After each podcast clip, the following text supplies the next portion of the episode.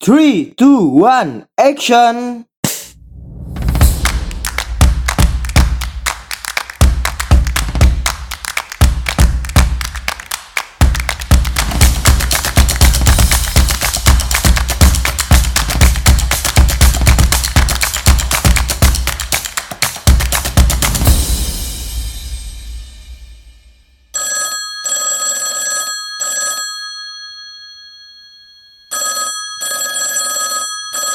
Halo, selamat datang kembali di Pod by MA, tentunya di program Anak Komunikasi.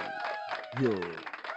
Oke, para pendengar Pod by MA, pada perkuliahan metode penelitian kuantitatif pada pertemuan yang lalu kita sudah menjelaskan tentang gambaran awal untuk penelitian survei. Nah, pada pertemuan kali ini kita akan menjelaskan tentang langkah-langkah yang ditempuh dalam penelitian survei. Ya, kita sudah menjelaskan pada minggu lalu penelitian survei itu penelitian untuk mengumpulkan data, ada yang modelnya itu dengan cara turun ke lapangan, kemudian mewawancara satu persatu orang, ya tentunya sampel ya yang diwawancara. Kemudian ada dengan cara uh, pos ya, dengan cara mail untuk dikirimkan kuesioner dan itu harus 70% dan itu pun harus proporsional juga. Mungkin kita nggak akan banyak menjelaskan tentang itu. Kemudian yang kedua adalah dengan cara by phone yang tentunya sampelnya juga sudah ditentukan. Jadi harus proporsional. Gimana cara mendapatkan sampel yang proporsional? Itu pada pertemuan selanjutnya nanti ya kita akan menjelaskan. Nah, ada juga uh, macam-macam itu apa metodenya atau caranya atau perspektif lah ya. Yang pertama itu ada dengan uh, studi cohort ya, itu penelitian survei yang dilakukan terhadap populasi spesifik dan diikuti periode waktu. Nah, dalam hal ini uh, sampel tidak berubah selama penelitian. Ada juga yang uh, dilakukan dengan cara yaitu um, panel. Ya tadi cohort sekarang panel yaitu memilih sampel secara benar sejak permulaan penelitian dan kemudian mengikuti sampel itu selama periode waktu penelitian. Jadi selalu diikuti. Nah itu untuk uh, macam-macam gambaran umum tentang uh, survei metode survei Nah, pada pertemuan kali ini kita masih menggunakan buku Profesor Dr. Amuri Yusuf MPD, yaitu buku yang berjudul Metode Penelitian Kuantitatif, Kualitatif, dan Penelitian Gabungan. Ya, jadi kita khususnya sekarang pembahasan tentang metode penelitian kuantitatif. Nah, langsung saja kita pada pertemuan kali ini membahas tentang langkah-langkah yang ditempuh dalam penelitian survei. Yang pertama adalah perumusan masalah yang jelas. Harus jelas dulu variabelnya mau apa. Misalkan uh, penilaian masyarakat terhadap kinerja bupati. Variabel pertama adalah penilaian masyarakat. Variabel kedua adalah kinerja bupati. Harus jelas apa yang dicari. Berarti ingin mengetahui bagaimana penilaian masyarakat terhadap kinerja bupati. Ya udah selesai seperti itu. Maka kita akan mengumpulkan atau membuat kuesioner nanti dengan cara seperti itu juga. Yang kedua adalah identifikasi target populasi. Ya, kita mencari dulu populasinya apa. Kalau misalkan kita ingin melihat kinerja Bupati Sumbawa, ya udah berarti populasinya adalah masyarakat Sumbawa. Dan kadangkala, ya jadi waktu itu kita saya pernah penelitian uh, dengan Dikti ya uh, dan LIPI, saya menanyakan apakah kita harus mengetahuinya itu dari KTP, jadi seluruh penduduk di Sumbawa ini. Ternyata ya gambaran yang uh, diberikan oleh LIPI adalah tidak perlu. Jadi yang diperlukan itu bisa merujuk pada DPT ya pemilihan uh, bupati misalnya. Kenapa? Karena mereka itu sudah bisa memilih dan sudah bisa menentukan sikap. Nah, kenapa orang misalkan 17 tahun baru bisa menyoblos gitu? Tentu ada kajian-kajiannya. Misalkan ketika 17 tahun sudah bisa menentukan pilihan atau sudah tidak labil lagi misalkan secara secara pendirian dan lain-lainnya. Maka yang menjadi sampel misalkan walaupun ingin mengetahui kinerja bupati itu hanya 17 tahun ke atas seperti itu modelnya. Nah, selanjutnya adalah uh, penentuan sampel. Penentuan sampel seperti tadi saya jelaskan akan kita jelaskan di pertemuan selanjutnya sebagai bentuk gambaran survei. Dan yang keempat adalah perumusan instrumen. Nah, jadi kita uh, siapkan dulu misalkan kuesionernya, apa yang akan dilakukan, bahan-bahannya itu juga perlu disiapkan. Nah, yang kelima ini baru pengumpulan data, turun ke lapangan untuk melakukan wawancara.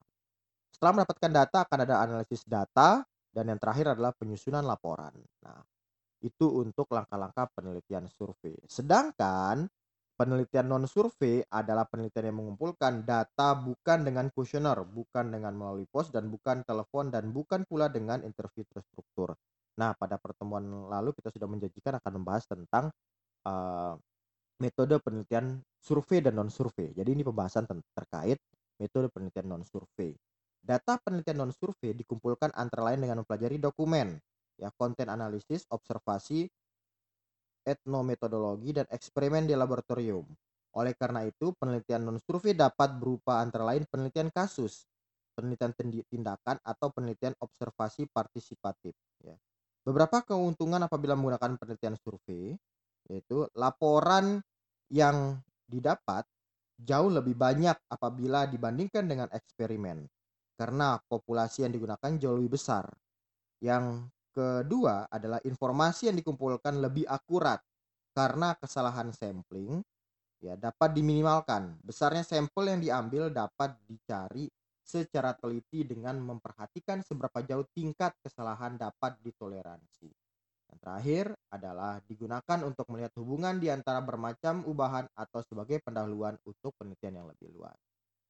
Nah, kemudian di samping keuntungan tersebut, ada beberapa kelemahan yang perlu mendapat perhatian pula, yaitu dibandingkan dengan penelitian kasus atau eksperimen, penelitian survei ini kurang mendalam dan kurang mendetail dalam meninjau masalah. Yang kedua, karena populasinya luas, maka biaya yang digunakan lebih banyak. Demikian juga waktu yang digunakan. Tetapi kalau dibandingkan dengan eksperimen, biaya yang digunakan kurang mahal. Ya, yang ketiga adalah dilihat dari segi intensitas pelaksanaan. Penelitian kurang intensif walaupun waktu yang digunakan lebih banyak karena populasi sampel yang diambil lebih luas. Nah, jadi ini uh, bisa perba apa ya dijelaskan antara perbandingan survei dan eksperimen. Sudah saya jelaskan pada minggu lalu pada penelitian metode penelitian kuantitatif itu ada dua metode metode yang dilakukan yaitu eksperimen dan survei. Di awal kita sudah menjelaskan terkait survei tadi, kemudian tadi pembahasan tentang uh, eksperimen yaitu dia atau non survei ya, dia tidak dilakukan dengan cara turun ke lapangan melalui pos atau telepon tapi dengan cara uh, konten analisis observasi dan eksperimen di laboratorium. Nah, ini perbandingannya ya. Tadi sedikit pembahasan tentang non survei. Nah, ini perbandingan keuntungan dan kelebihan dari penelitian survei dan eksperimen. Yang selanjutnya adalah tadi sudah kita bahas ya, dilihat dari segi intensitas, intensitas pelaksanaan, penelitian kurang intensif walaupun waktu yang dibutuhkan lebih banyak karena populasi sampel yang diambil lebih luas. Yang keempat, keterbatasan survei timbul dari sifat dari interview Sebab interview merupakan suatu proses percakapan antara interviewer dan interview atau antara orang lain ya. Proses itu manusiawi apabila interviewer tidak dapat bertindak dari dalam dirinya, maka ia akan gagal mengumpulkan data atau informasi. Jadi kita memerlukan surveyor ya atau orang turun ke lapangan itu orang yang memiliki kemampuan komunikasi yang baik sehingga sumber-sumber informasi yang didapatkan itu nanti uh, bisa maksimal juga. Survei itu bersifat mendesak dan ditanya langsung pada orangnya sedangkan interview itu tidak alami, mengganggu kehidupan individu sehari-hari. Kadang dibuat-buat oleh karena itu interview kadang-kadang sering merespon berbeda dengan keadaan yang sebenarnya. Lebih-lebih lagi karena interview itu self-report, maka tak semua orang mau diinterview dan memberikan informasinya secara benar. Nah, apabila kedua klasifikasi ini dikaitkan dengan tipe penelitian kualitatif dan kuantitatif, maka di antara jenis penelitian yang tergolong ke dalam penelitian kualitatif dan kuantitatif dapat pula penelitian survei atau penelitian non survei. Beberapa penelitian kuantitatif yang juga berbentuk penelitian survei antara lain survei sosial ekonomi nasional atau Susenas, survei income pendapatan masyarakat, sedangkan yang bersifat non survei adalah penelitian yang dilakukan di laboratorium dengan menggunakan instrumen bukan kuesioner atau interview. Oke para pendengar Pod by MA, pada pertemuan kali ini kita sudah menyelesaikan kelanjutan ya pembahasan tentang survei dan non survei. Ya, jadi itu adalah kedua metode metode dalam penelitian kuantitatif. Nah, pada pertemuan selanjutnya kita akan menjelaskan secara detail yaitu terkait survei. Demikian dan sampai ketemu lagi di pertemuan selanjutnya. Yo.